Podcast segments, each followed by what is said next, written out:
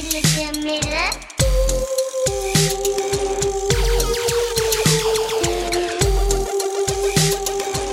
Het redelijke midden. De. Oké, nou dan is dit de eerste echte aflevering van eh, Het Redelijke Midden. Ik eh, ben hier met mijn... eh, ik ben Jaap Stronks en mijn co-host zijn Thijs Kleinpaste. Zeg even hallo Thijs. Kijk, Hallo. Ja, ha. Vanuit Amerika. En, eh, en Pim van den Berg. Hey, hey. Precies. Ehm, nou, dit is dan de eerste aflevering van eh, Het Redelijk Midden. Eh, laten we maar ehm, beginnen bij een, eh, een, een, eh, de, de vraag eigenlijk waarom jullie het eigenlijk wel een goed idee leken. Want ik riep iets op Twitter van, hey, eh, er moet een, eh, een podcast voor de, zeg maar de Dirtbag Left, een, een, een links van links. En jullie zeiden volgens mij allebei eh, binnen een paar minuten of zo, ehm, dat ehm, in ieder geval iets instemmends. Ja, Pim, yes eerst. in all caps.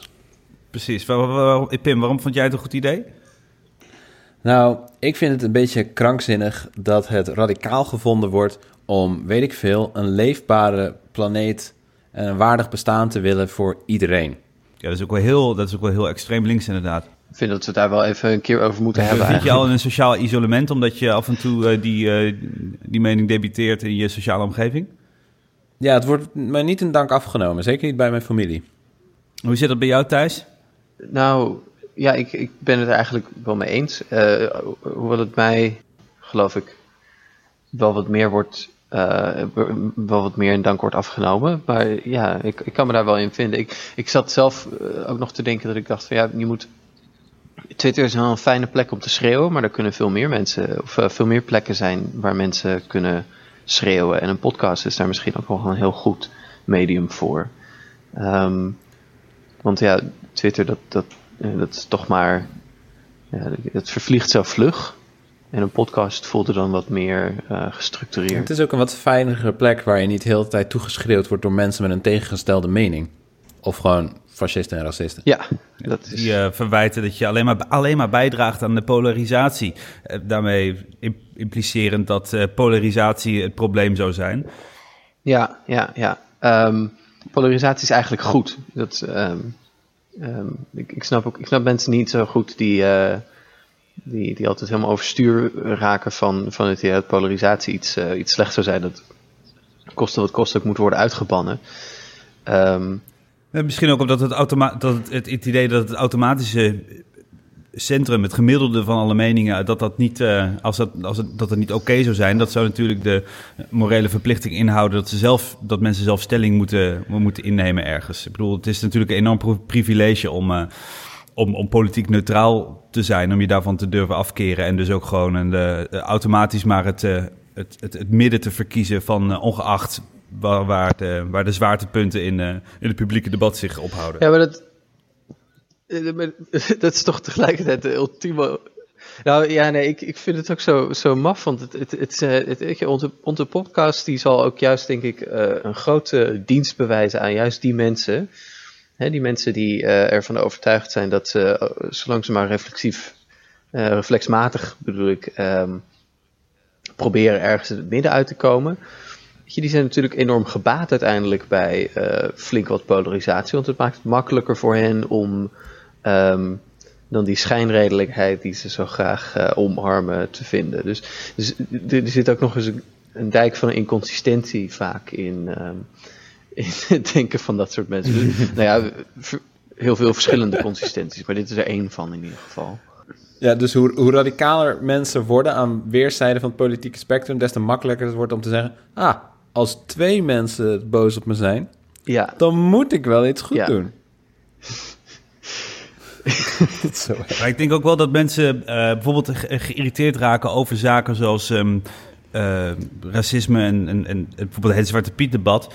Is dat het duidelijk maakt dat ze eigenlijk stelling moeten nemen. En, en de, de suggestie dat, het, ehm, eh, dat geen keuze maken moreel onjuist is. Hè, dat als je gewoon doet wat je altijd al hebt gedaan.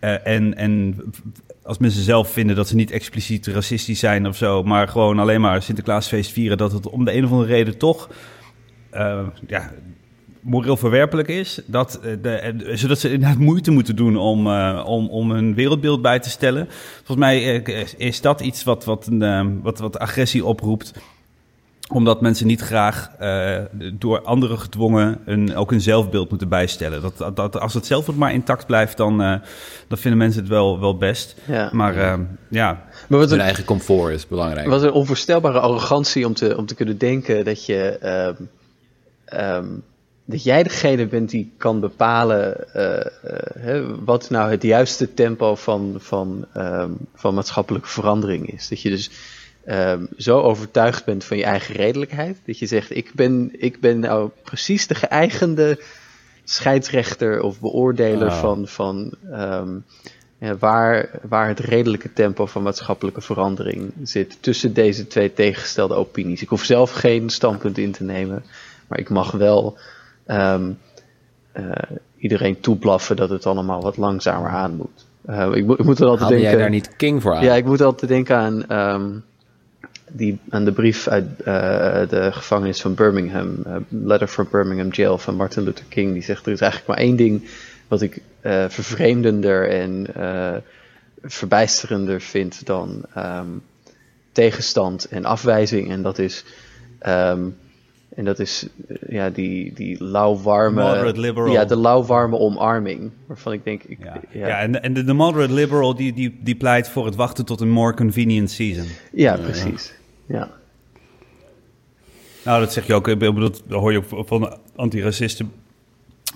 In bredere zin dat, dat, de, dat- je beter gewoon een expliciete racist kan hebben dan de, de, de, de moderate centrist persoon die eh, pretendeert en ook voor zichzelf eh, eh, wil volhouden dat hij het bij het juiste eind heeft, maar ondertussen elke verandering in, in progressieve zin tegenhoudt. Ja. Eh, en, en ook heel erg, het meest tenenkomende voorbeeld vind ik nog wel een, een Facebook-commentaar dat ik ooit las van iemand die verklaarde in een soort van lang betoog van... oh, ik heb het licht gezien, Z- eh, Zwarte Piet is racistisch. Maar daarin de fabelachtige hersenkronkel eh, daaraan toevoegde... dat het komt door de antiracisme zwarte eh, activisten van hè, Kik uit Zwarte Piet onder meer dat ehm, ehm, dat dat activisme eh, eh, juist heeft voor heel veel vertraging heeft gezorgd, eh, omdat ze te snel wilden. En de- heel veel racisme heeft, heeft doen ontstaan door, door eigenlijk stampij te maken. Terwijl als ze nou rustig hadden gewacht, dan had, hadden we vanzelf al, hè, want veranderingen zijn van alle tijden. Het, het, alsof het een autonome ontwikkeling was, dat, dat het uiterlijk van de Zwarte Piet werd aangepast. En, en dat het daardoor heel lang heeft moeten duren. En dat het dus uiteindelijk de redelijke die redelijke social liberals en zo zijn, eh, die, die, die, die het nou ja, toevallig eh één tandje, eh, een Ja. één tandje lagere versnelling hadden willen doorvoeren, dat het daarmee is goed gekomen. En dat is zo'n om, om, eh, wa- waanzinwekkende omkering van feiten. Ja, ik, ik weet zelf Ja, inderdaad ook nog goed toen in 2012 het, het racisme werd uitgevonden door uh, Kick uit Zwarte Piet. Ja, dat, was een, eh, dat was toch een vreemd moment. Eh, tot mijn spijt dacht ik daarvoor eigenlijk ook altijd dat mensen gewoon voor zichzelf moesten beslissen wat eh, racistisch was en of Zwarte Piet daarbij hoorde of niet. Eh, maar sindsdien ja, is het onmogelijk om, je daar nog, om daar nog achter te kunnen staan. Ja, maar goed, dat, eh, eh, dat publieke debat is hopelijk over zijn, zijn zwaartepunt heen, zeg maar. Dat het, nu, lang, dat het nu een kwestie is van die golf uitsurfen en dat Zwarte Piet onder, eh, wel onherroepelijk verandert. Maar goed, dat is natuurlijk maar ook maar een, symbool. Het, gaat om veel grotere uitdagingen natuurlijk, zoals eh, institutioneel racisme en, en andere zaken. Eh, als je nu terugkijkt op het, op het ehm, afgelopen decennium, we gaan een nieuw decennium in. Ik las een artikel waarin eigenlijk werd... eh, in de Spectator was het volgens mij, maar je, elk jaar wordt wel zoiets gepubliceerd. Dat eh, artikel stelde dat het eigenlijk het beste decennium ooit was, want het gaat in alle opzichten eh, heel goed met de mensheid. Ehm, met als be- belangrijke parameter dat de, eh, het percentage mensen dat onder de absolute armoedegrens eh, leeft, eh, nu eh, onder de 10% is gedoken. Ja. En ehm, eh, ik vind, bij de, Thijs, jij hebt daar vast wel wat op, op, op af te dingen. Ja, dat is een beetje het, dat is het Steven Pinker-evangelie. Hè? Die, die Ehm, om, om, om onverklaarbare reden, ik weet niet waarom ze dat nou zo graag willen, maar het heel belangrijk vinden dat er geloofd wordt in eh, de vooruitgang. En dus ook constant als iemand zegt van hé, hey, dit is niet goed in de wereld, beginnen terug te brullen dat er heel veel dingen wel goed zijn in de wereld. Ik snap de, ik snap de waarde daar eigenlijk niet zo goed van. Maar dit, specifiek, dit, dit eh, idee van die armoedegrens is een volstrekt, volstrekt absurde, ehm, ja, volstrekt absurd fenomeen. Ehm, socioloog eh, Jason Hickel heeft daar heel interessant werk over gepubliceerd. Die zegt, er eigenlijk twee dingen mis met dat, ehm, met die statistiek. Eén, eh, het is eigenlijk een volstrekt arbitrair eh, getal hè, wa- wat mensen hanteren. Het zit net onder de 2 dollar ehm, per dag. Dat zou dan de absolute armoedegrens zijn. Maar als je kijkt naar hoeveel mensen dagelijks te weinig calorieën binnenkrijgen, om van, eh, om, hè, om dan goed voor ze is een absoluut minimum aan voedsel, dan is dat getal hoger dan de mensen onder die zogenaamde armoedegrens. En twee Ja, is dat. Dus we zijn wel rijk, maar we hebben honger. Nou, ze zijn dus ook niet helemaal niet rijk. Het is een volstrekt arbitrair. Nee. het, is een, heel, het, is een, het, is een, het is een bedrag wat helemaal nergens op slaat. En twee is dat eh, in dat bedrag, het is zeg maar de meest eh, eh, benauwde en meest dunne definitie van inkomen die je ehm, kunt hanteren. Die helemaal dus niet in kaart brengt wat mensen bijvoorbeeld zijn kwijtgeraakt. Als mensen die misschien een wat eh, eh, ja, nog meer traditionele manier van leven hadden met, met, een, met een geit of een koe of een klein stukje grond, die dat zijn kwijtgeraakt en weliswaar nu dan, weet ik veel, 2 dollar en 15 cent per dag te makken hebben. Dat wordt er dus niet in meegenomen. Maar dan wordt er gezegd, nou, je bent je koe kwijt en je geit kwijt en alle productiviteit die daarmee te maken had, dus je verse melk en en dat soort dingen. Maar dat wordt niet gemeten, maar je hebt wel 2,15 dollar. Zijn die mensen erop vooruit gegaan? Ja, zegt die statistiek. Maar Hickel wijst erop, die zegt, nou, dat is dus helemaal niet het geval. Die mensen zijn erop achteruit gegaan. Die zijn door het kapitalisme beroofd van hun eh schamele bezit. En, en nu in Ja. een veel eh, eh, machtelozere positie. En inflatie? Want ik neem aan dat het een oud cijfer is. Ja, het is ook, eh, er wordt ook wel eens geweest dat, dat koopkracht en inflatie eh, daar nog aan onderhevig is. Dat, dat ook dat, dat bedrag ehm eh, volstrekte nonsens maakt. Ehm, maar Het is natuurlijk ook een beetje een, een low bar natuurlijk. Hè? De, de, dat je een inkomen hebt dat onder, niet onder het absolute eh, minimum zit. Ehm, als, als het gaat over hoe, eh, waar moet het heen met de wereld, ehm, eh, dan moet je het ook wel hebben over de verhouding tussen arbeid en kapitaal en de, en de, en de houdbaarheid van, van, de, van de modes of production en, en, en, en natuurlijk ook het klimaat. ja, nou ja, dat klinkt wel heel de- links weer allemaal. Mak aan, eh Tijger. Ja, ik, ik vrees dat we daar toch wel weer op uitkomen. Ehm, maar nee, maar ik, nee, echt, ik heb zo'n ik heb zo'n ongelofelijke hekel aan Steven Pinker en dat, hele, en dat hele evangelie. Want het is een volstrekt religieuze manier van denken van mensen die eh, het allerliefst gerustgesteld willen worden dat het allemaal wel goed gaat met de wereld. En dat omdat ze dat weten, dus ook vervolgens ehm, zichzelf gerechtvaardigd achten om ja, zich niet meer zo druk te maken over wat ze misschien zelf eh, kunnen bijdragen. Of eh, hoe, Ja. hoe ze misschien hun eigen wereldbeeld wat moeten bijstellen. Op zich, eh, op zich snap ik het wel. Je ziet ook dat het heel populair is bij Rutger Bregman. En Rob Wijnberg schreef geloof ik zo'n een artikel met zo'n tendens afgelopen week. Maar die denken natuurlijk graag in constructieve journalistiek, in het denken aan oplossingen. En heel veel, bijvoorbeeld marxisme en zo, is een en al kritiek op een bestaanssysteem. Ja. Maar de vraag is dan natuurlijk, wat nu? En denken van, hé, hey, maar uh, weet je wel, gaten in het asfalt worden snel gedicht in Nederland. En uh, de armoedegrens, uh, steeds minder mensen komen erboven. Is en de meeste mensen deugen. En de meeste mensen deugen. Is natuurlijk een, een manier om constructief te zijn in vorm. Al is het misschien per se, dan loopt misschien de inhoud een beetje achter. Ja, maar wat, wat zit daar nou achter dan? Gewoon hopen ja, dat het, beter gaat. Het, is een, het lijkt me een ultiem troostende en, en comfortabele boodschap. Dat, uh, dat in algemene zin dat we niet fundamentele wijzigingen hoeven aan te brengen in de manier waarop we leven, in de manier waarop we consumeren uh, en hoe we ons tot elkaar verhouden. En, uh, Terwijl ik deze week nog lees dat we waarschijnlijk de anderhalve graden klimaatverwarming niet eens meer gaan redden. Ja, het wordt al twee, hè? Nee, en, ja, op zijn minst. En ja, ja. de meest hoopvolle of, prognose. Is de vraag of we inderdaad op langere termijn, eh, in ieder geval, ik, van- ik, weet niet hoe het met jullie zit. Eh, jij zit veilig in Amerika, of veilig, maar goed, die zit in Amerika thuis. Eh, en Utrecht ligt ook wat hoger, maar Rotterdam eh, ligt eh, een, een klein tikje onder het eh, zeeniveau. Ja, Mijn, Utrecht gaat ehm, waarschijnlijk ook zinken. Ja, nou, hier gaat het Dus ik heel... bedoel, we moeten er wel. Maar goed, het is natuurlijk een. eh, ik bedoel, dat, heel- in ieder geval een, een geruststellende gedachte dat we, nog op het, dat we nog op het goede pad zouden zitten. Terwijl, de, te- terwijl dat natuurlijk niet het geval is. Dus, ehm, nou ja. ehm, Vandaar. Vandaar echt, ja. deze podcast. Ik zou echt een podcast vol Ik- kunnen lullen over waarom ik Steven Pinker zo'n charlatan vind. Maar misschien moet ik dat een andere nou, daar, keer komen, doen. we- daar gaan we een mooie thema-uitzending aan wijden binnen, binnenkort. Het lelijke midden. Ja, ik vroeg. ehm, eh, ja, we zijn dan. ehm, we, wil, we wilden graag een podcast voor de Dirtbag Left. Ehm, ik, weet, ik weet nooit zo goed van mezelf of ik nou echt wel een, eh, dan een dirtbag ben. Maar links geloof ik wel. Maar waarom. ehm Jaap, kun jij daar misschien iets over zeggen? Waarom, waarom moeten we nou.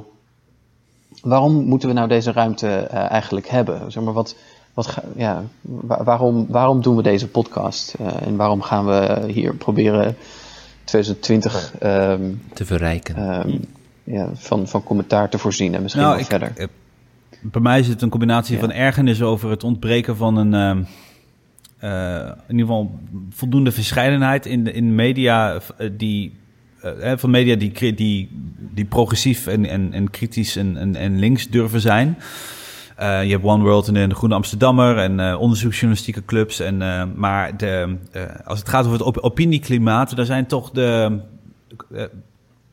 opiniebijlagen en, en columnisten van de, de bekende eh, ma- ma- massamedia toch wel heel erg eh, bepalend en in, in richtinggevend. En je ziet in Nederland en in andere, in, in andere landen dat de, eh, toch een heel belang, hele sterke tendens ter be- bescherming van de status quo. Terwijl je ziet dat er een noodzaak ontstaat voor gewoon een radicale koerswijziging. Voor een meer inclusieve politiek voor, die ook zorgt voor nou ja, de, de, tegengaan van de ergste gevolgen van klimaatverandering en eh, de radicale eh, de belastinghervormingen.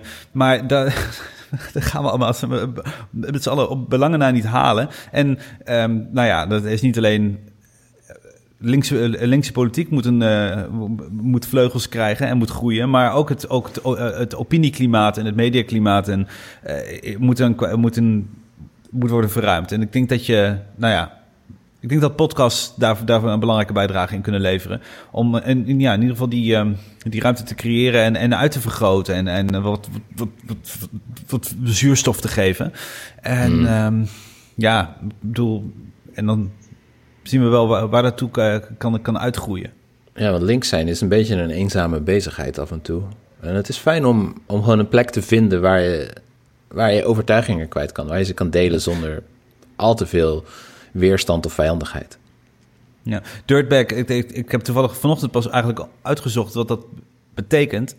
En, dirtbag schijnt een, bena ja, schijnt een benaming te zijn. Ik, intuïtief snapte ik wat, wat er ongeveer bedoeld werd. Maar uh, schijnt een benaming zijn voor mensen die een bepaalde levensstijl najagen. Uh, tot, tot die mate dat de, het, het reguliere leven, zoals je sociale relaties en je, en je, je werkzame bestaan.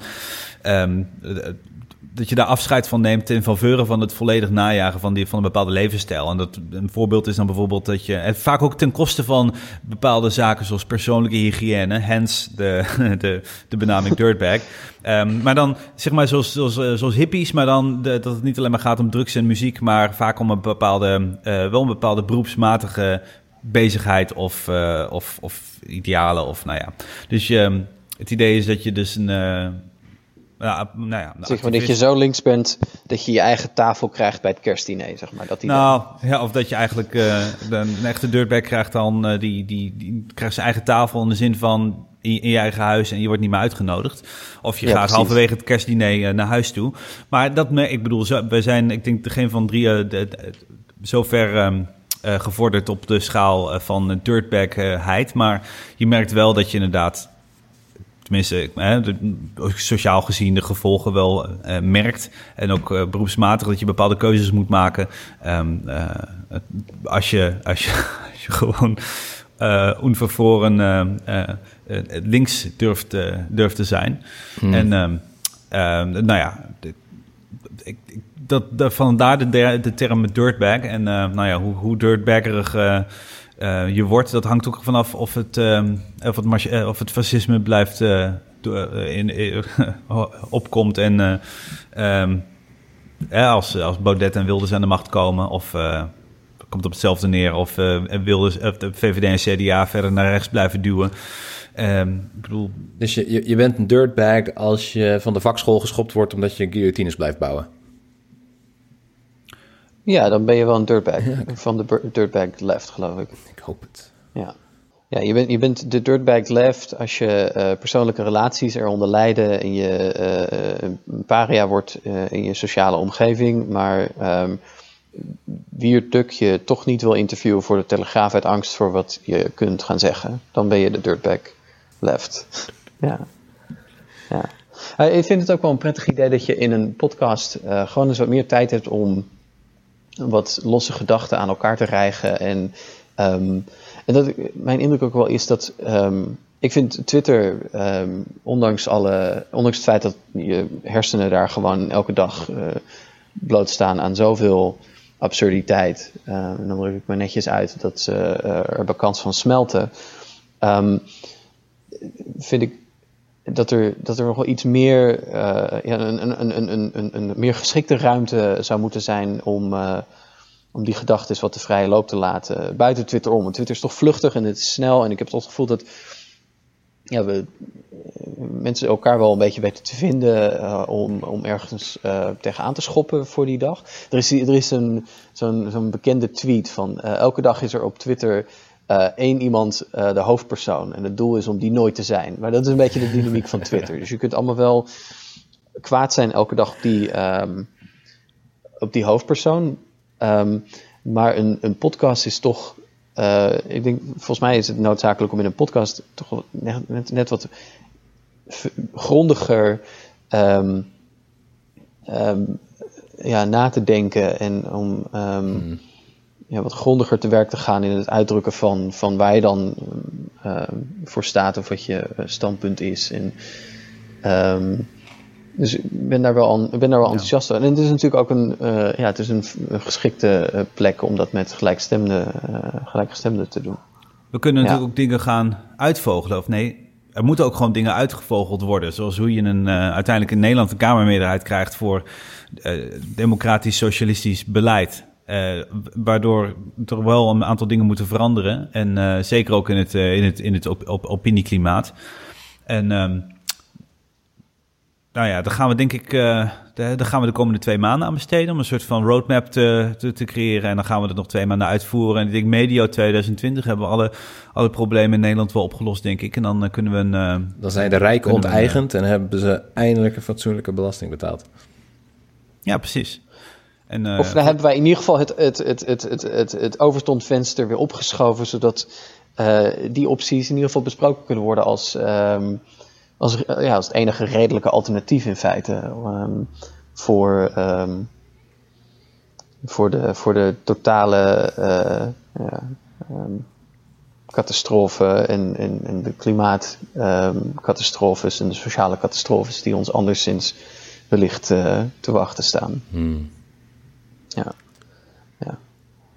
Het is, goed om, het is goed om die veilige plekken. Ik, ik, ik, ik moet nog denken aan. Uh, je, hebt zo, je hebt zo vaak dat mensen zeggen van ja, je moet uit je bubbel. Je moet uit je bubbel. Ja, want je moet, je moet, je moet juist uh, met andere mensen praten. Want in de marktplaats van ideeën, daar, dat is waar de waarheid aan het licht komt. En ik vind dat een fantastische metafoor. Want het is eigenlijk uh, een heel geschikte manier om daarover te spreken. Want net zoals marktwerking en allerlei andere domeinen die daar niet geschikt voor zijn, zoals de zorg uh, vernietigt het eigenlijk uh, veel meer dan het, dan het goed doet. Um, maar het is ook nog eens gebaseerd op een fundamenteel misverstand. Want het is dus helemaal niet zo dat mensen van gedachten veranderen als je ze elke dag bombardeert met um, vijandelijkheden of met andere meningen waar ze eigenlijk helemaal niet op zitten te wachten.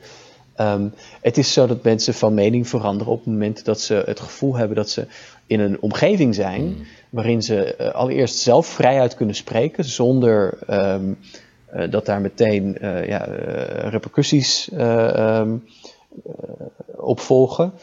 En op, op de tweede plaats dat kritisch zelfonderzoek en het ontdekken van hoe andere mensen denken ook eigenlijk veel beter tot stand komt als je, ehm, nou, om het maar eens met een impopulaire term te zeggen, daarvoor een, een veilige plaats, een safe space hebt.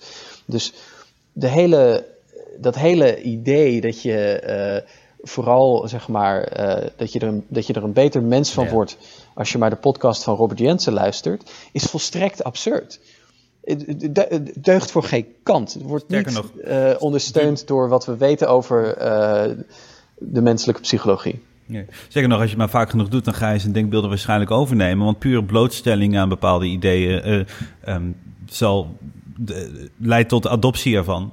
Eh, de beste manier om dus inderdaad met vrienden te overtuigen is vaak om is achterloos bepaalde feitjes te, te, te, te droppen en, en, en meningen te, te ventileren. En vaak ja, vanuit een positie van impliciete overeenstemming over bepaalde fundamentele waarden, waaruit dan bepaalde posities volgen. Hè, van, van, en er zijn heel veel beginnetjes die je kan maken. Ik bedoel, want de, eh, de- ook, ook je hè, D66 eh, en, en zo VVD-stemmende vrienden, hè, mensen zijn over het algemeen tegen racisme en voor eh, medemenselijkheid. En nou ja, als je dat, de- daar kun je van alles vanuit extrapoleren. Maar eh, de, het is wel, als je inderdaad mensen gaat bekritiseren, eh, dat eh, eh, mensen aanspreken eh, vanuit een impliciete afwijzing van wat ze nu denken en zeggen dat jij het beter weet, dan, gaan, dan, dan, dan, dan hoor je dan op Twitter als argument, ja, dan gaan de hakken alleen maar in het zand.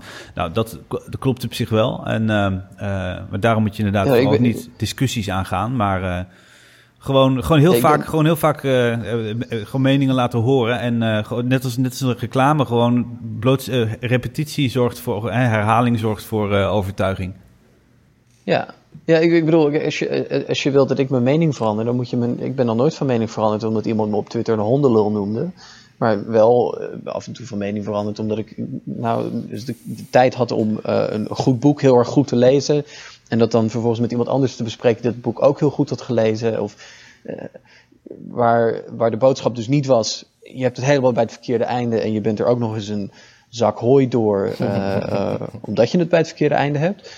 Maar ehm, in plaats daarvan, ehm, ja, moeten we hier eens niet wat grondiger over nadenken. En volgens mij is ook een, nee, dat is een beetje een wat, wat bruggetje misschien, maar volgens mij is dat ook een goed ding om te hebben in een, in een podcast. Want we zijn hier met ehm, min of meer gelijkgestemden. We zullen ongetwijfeld dingen eh, leren over elkaar waar we het misschien niet eh, eens zijn.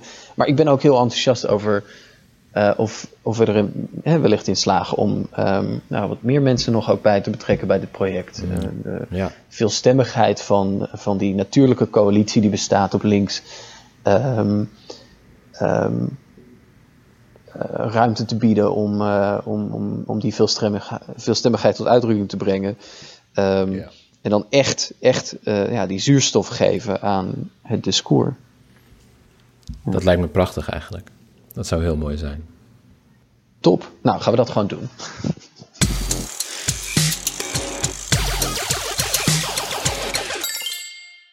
Eh, Echt een van de meest ontluisterende dingen van de afgelopen weken vond ik eh, het verschil in politieoptreden van dat zo ehm, ehm, dat ze werd tentoongespreid. Hè? De, ehm, eh,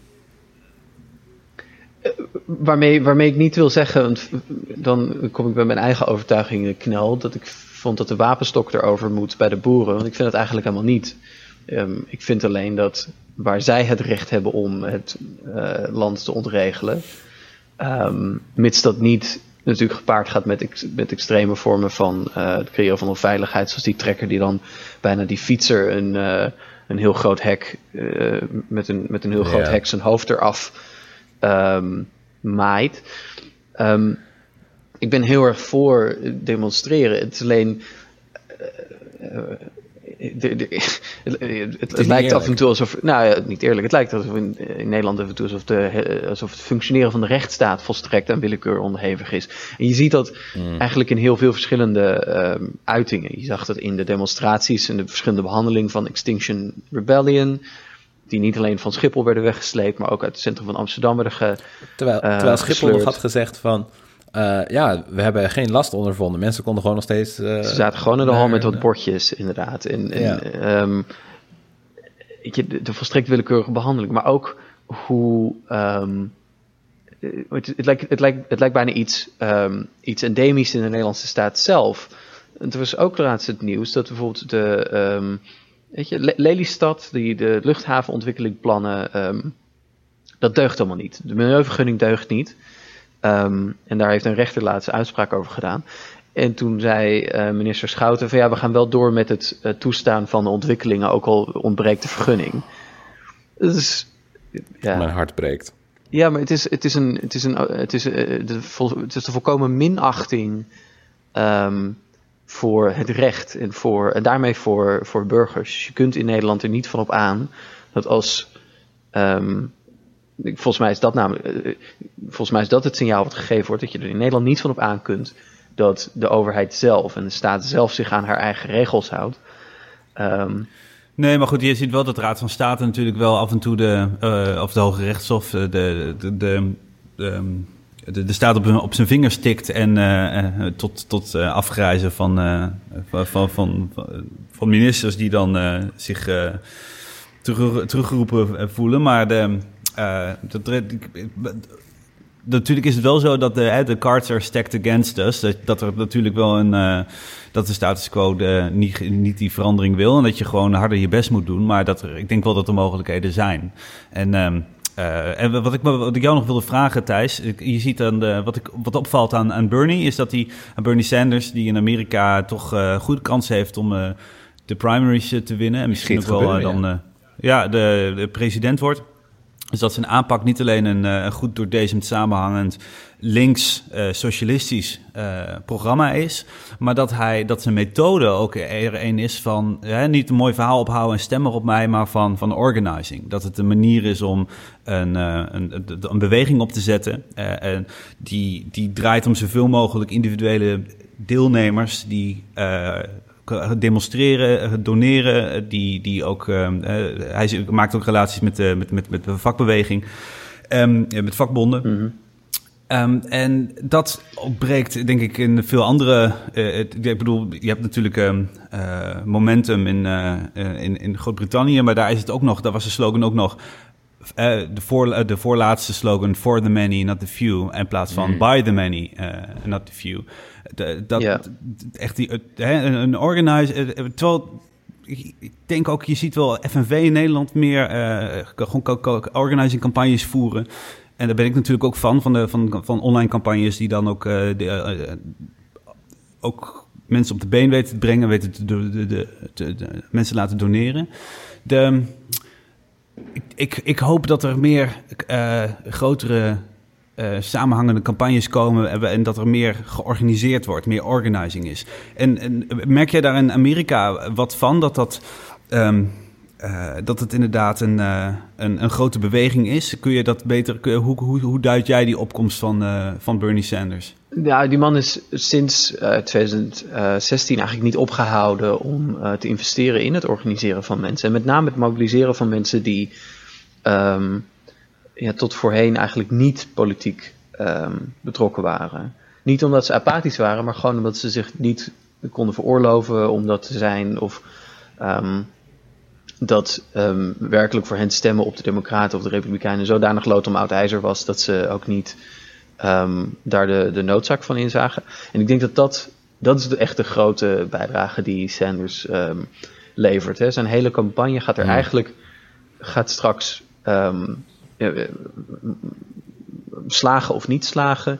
Ehm, niet omdat hij ehm, die mythische swingvoter uit het, uit het midden mobiliseert, maar omdat hij ongelooflijk veel mensen die gewoon verkiezing na verkiezing niet hebben meegedaan, eh weet te mobiliseren. Wat een veel, veel grotere groep is. Ehm, en een veel krachtiger groep als die, als die groep zich ook realiseert dat er iets op het spel staat. Ehm, en dat is wel echt een formi- formidabele prestatie. En daar zie je eh, wel van dat het democratische establishment er ook echt eh, een beetje angstveet van uitbreekt. Ja. Ehm, omdat dat betekent dat zij en hun machtsbasis ineens wordt, wordt aangetast. Ehm, ja. Ja. Dus ik ben, ik ben daar wel heel enthousiast over. ja. Ehm, maar of, ja, krijg ik er nou veel van mee? Ja, ik woon in eh, Washington D.C., wat een eh, volstrekt irrelevante stad is ehm, in verkiezingstermen. Ehm, ja, mensen die daar wonen mogen niet stemmen, toch? Eh, ja, nou, ja, op de, op de nummerborden staat het, het onofficiële motto van DC en dat is eh, taxation without representation. Dus DC heeft geen... dat is echt waar, dat is heel, heel sassy. Dat is op een gegeven moment besloten dat dat eh, het eh, motto zou worden. En, maar DC heeft dus ook ge- heeft geen officiële ehm, eh, stemgemachtigde vertegenwoordiging in het Huis van Afgevaardigden. Er is wel een soort observator. Ehm, maar die heeft heel weinig ehm, rechten om, om, om mee te doen. En zeker geen stemrecht. Dus ja, DC heeft. Eh, ja, in DC stem je wel voor de president. Maar je stemt niet voor je eigen vertegenwoordiging. Ja. Maar DC is ehm, een stad waar in 2016 eh 96% van de bevolking op de democratische kandidaat stemde. En de enige, eh, enige plek in de Verenigde Staten waar dat meer was, was Honolulu. eh, in Hawaii. Ja. Dat verklaart een hoop. ja, dus het is niet, niet zo interessant om daar campagne te voeren. Nee. Maar Virginia is paars tegenwoordig, dus dat is, dat, dat is wel dichtbij. In tegenstelling tot blauw of rood. Ja. Ja. ja. Virginia kleurt steeds blauwer. De Amerikaanse presidentsverkiezingen zijn, het- zullen natuurlijk een thema zijn die, eh, waar wij ook komend jaar op terugkomen. Zijn er nog andere campagnes, eh, politieke ontwikkelingen waar jullie naar uitkijken in 2020? Eh, de Tweede Kamerverkiezingen beg- beginnen op gang te komen natuurlijk in het komende jaar. De campagnes in ieder geval. Ja, we zijn, eh, zijn er nog nieuwe, eh, eh, zeg maar, eh, een underdogs, eh, partijen die eh, nieuw de Kamer in kunnen komen of die eh, hoger kunnen scoren? Waar, hè, waar, waar moet- Jij mag dit niet zeggen natuurlijk, maar eh, ik hoop dat bijeen gewoon weer... dat bijeen een zetel gaat krijgen. Misschien twee, misschien drie, Het misschien zou meer. fantastisch zijn als dat, Ja, als, ik ga als dat stemmen lukt, ja. Ja. Ja, full, de, full, full disclosure, eh, wat dat betreft, eh, ik heb met eh, mijn bedrijfje een help bij de kamer in.nl gemaakt. We werken over, ook voor, voor GroenLinks, die eh cam- campagne sites en zo. Maar de, nou ja, ze mogen bij mij allebei winnen. En ehm, je hebt natuurlijk, oh, hoe heet die ook weer? Hoe heet die, hoe heet die zorgpartij ook weer van, van, van Esther van Venema? Even, even opzoeken. Maar eh, Jaap die kan natuurlijk niet objectief zijn als hij voor die twee, twee partijen werkt. Nee, maar objectiviteit dat bestaat niet. Dat zeg jij, maar dat komt ook alleen maar omdat je voor Oh, ingenomen even en tussen links neus en lippen door. Zo, zo, Ja. hier. Daar kun, daar, kun, daar kun je het mee doen. Hè? ik, eh, was het nou Esther van Venema? Ja, NL Beter was dat, ja. De, maar goed, Esther van Venema is natuurlijk een, eh, een, eh, een, een, ja, rechtse houdegen, is lijkt me een eh, correcte beschrijving. Alleen de, die partij die lijkt vooral echt wel vooral voor zorg te gaan. Ik, eh, ehm, nou ja, ik weet het niet hoor. Nou, dus oké, de tweede, tweede Kamerverkiezingen komen eraan. Ehm, januari, ja, CETA wordt, eh, wordt besproken, eh, het handelsverdrag. eh, ik weet niet wat er, eh, wat, wat er, er staat nog wel meer op de, op, op de agenda. De eh, Zwarte Piet debat eind van het jaar, vuurwerk. Nou ja, we, we gaan kijken wat we nog meer, eh, wat, wat we meer gaan behandelen. Heb jij nog eh, thema's die je wil kandideren, Thijs, waar de komende eh, afleveringen over moeten gaan? Ehm, ik, denk dat, ik denk dat de strijd om het leiderschap in Labour binnenkort wel Mm. echt interessant gaat worden. Ehm, dus daar kunnen we het een keer over hebben. En voor de rest lijkt het me ook dat de actualiteit vanzelf wel dingen aanreikt om, om ons dan wel vrolijk over te maken, dan wel ehm, ja, wat, wat meer substantiëler aan bij te dragen. ja. Eh, Dus een, voor, een voorzitje van, van Labour lijkt me een goed eh, Ja. onderwerp. Om een voorzitje voor te doen. eh, klopt mijn samenvatting een beetje dat ja, en die man, de conclusie... Die man met, de, die man met het rare hoedje van, van Ongehoord Nederland, die, kon, die al zeg maar zes of zeven jaar voorspelt dat er binnenkort een burgeroorlog uitbreekt in Nederland, die heeft natuurlijk zijn eigen omroep nu. Dus misschien gaat die wel ergens komen. En die gaan, ehm, die gaan eh, gesubsidieerd nepnieuws maken. Dus dat wordt misschien ook wel iets om, eh, om in de gaten te houden. En, ehm, en Pim, jij bent natuurlijk ook van de, van de populaire media, hè, wel de, de cultuur en, en games. Ehm, wat mij betreft kunnen we ook, eh, kunnen we het ook daarover hebben. Of eh, de alpha episodes, eh, dat we films gaan recenseren, wat je veel podcasts eh, zi- ziet doen. Ehm, wat is het beste dat je de afgelopen maand eh, gekeken hebt? Nou, van de afgelopen maand denk ik ehm, John Mulaney's The Sack Bunch Lunch. En dat is absoluut niet socialistisch, dus ook niet relevant voor wat ik nu aan het vertellen ben. Maar eh, mijn favoriete ding afgelopen jaar was denk ik Parasite. Eh Jong Boon-ho's Kore- Koreaanse film over eh, een arm gezin dat bij een rijk ge- gezin probeert te infiltreren. En hij dacht gewoon, oh, volgens mij is dit specifiek aan de Koreaanse situatie, al die ongelijkheid. Maar toen ik die warme onthaal in de rest van de wereld zag, bleek het gewoon een universele eigenschap van het kapitalisme te zijn. Ja. Nou, echt vervelend dat hij het weer zo politiek moet maken. ja. Ik heb hem ook gezien. Dat is, een, eh, dat is ook een heel, heel vermakelijke film. Ik heb hem dus nog niet En, gezien, maar ik ehm, wil hem wel gaan zien. Ik weet wel dat eh, Barack Obama hem heeft gezien en aanbeveeld. Ja, Ehm, oh, verschrikkelijk. Hij kreeg op Twitter de vraag, gewoon even om te checken, maar met wie identificeer jij je het meest? Eh, meneer president kapitalisme. Ik had zoiets van, hij leest al die dingen en, hij, was, en hij, hij kijkt al die films en hij is zo neoliberaal als de pleur is. Wat neemt hij mee van die dingen? Ja, maar hoeveel zelf... Nou, hoeveel zelfinzicht eh, hij heeft, dat valt eh, te, te betwijfelen. En hij heeft ook zijn favoriete boeken van 2019 gedeeld. En op st- stip, eh, op, met stip op nummer 1 stond... The Age of Surveillance Capitalism.